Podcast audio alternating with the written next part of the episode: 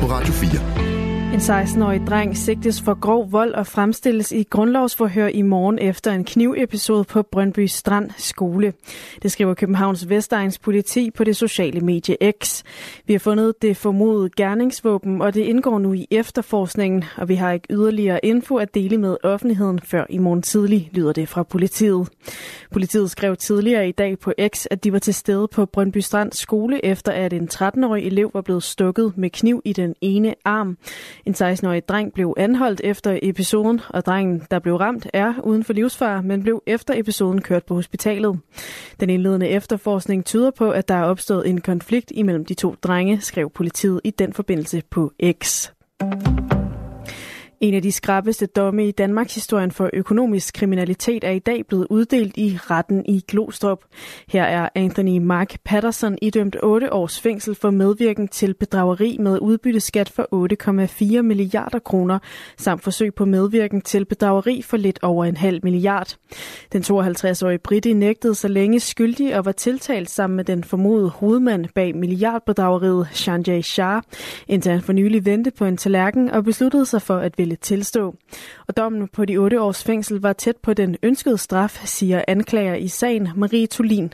Vi er rigtig tilfredse med dommen i dag. Øh, dels er vi jo rigtig tilfredse med, at vi nu har fået en afgørelse i en del af den her meget store sag om bedrageri på mere end 9 milliarder kroner mod den danske stat. Og for så vidt angår dommens udmåling, som man siger, den ligger jo meget tæt på den påstand, som vi havde, som var 8,5 år. Så det er vi selvfølgelig også tilfredse med. Anklagemyndigheden gik efter at sprænge den normale strafferamme på 8 år, og det kan ske i sager hvor, sager, hvor der efter rettens opfattelse er tale om særdeles skærpende omstændigheder. Og det er en vigtig sag, der her er blevet afgjort, siger skatteminister Jeppe Brugs til TV2. Det siger sig selv, at de her sager er enormt vigtige for at finde ud af, hvem øh, har været ansvarlig for den angivelige svindel, der, der er fundet sted, og ikke mindst jo at få pengene tilbage igen. Udover fængselsstraffen har retten konfiskeret 100 millioner kroner fra Patterson. Det er det beløb, som Patterson i et retsmøde i går sagde, han tjente på at medvirke til bedrageriet. Og retssagen mod Sanjay Shah begynder den 11. marts. Syv gisler, der var tilbageholdt i Gazastriben, er dræbt i de israelske militærs bombardementer. Det siger en talsmand for Hamas væbnede gren, Al-Qasim-brigaderne, i dag ifølge Reuters. Det er ikke umiddelbart oplyst, hvornår de syv gisler døde, og det er heller ikke muligt at få oplysningen bekræftet fra anden side.